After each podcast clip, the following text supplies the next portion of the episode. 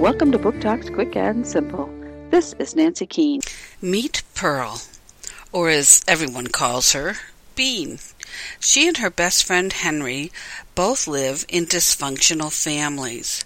Bean lives with her mother, who has a drinking problem, and her grandfather. Henry lives with a mother who's afraid to go out. They are pretty used to the way things are going, but that's all about to change.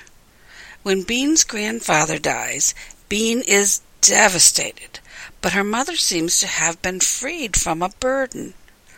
As the family secrets start to come out, Bean doesn't know what to believe anymore. Pearl by Jo Knowles, Henry Holt, 2011.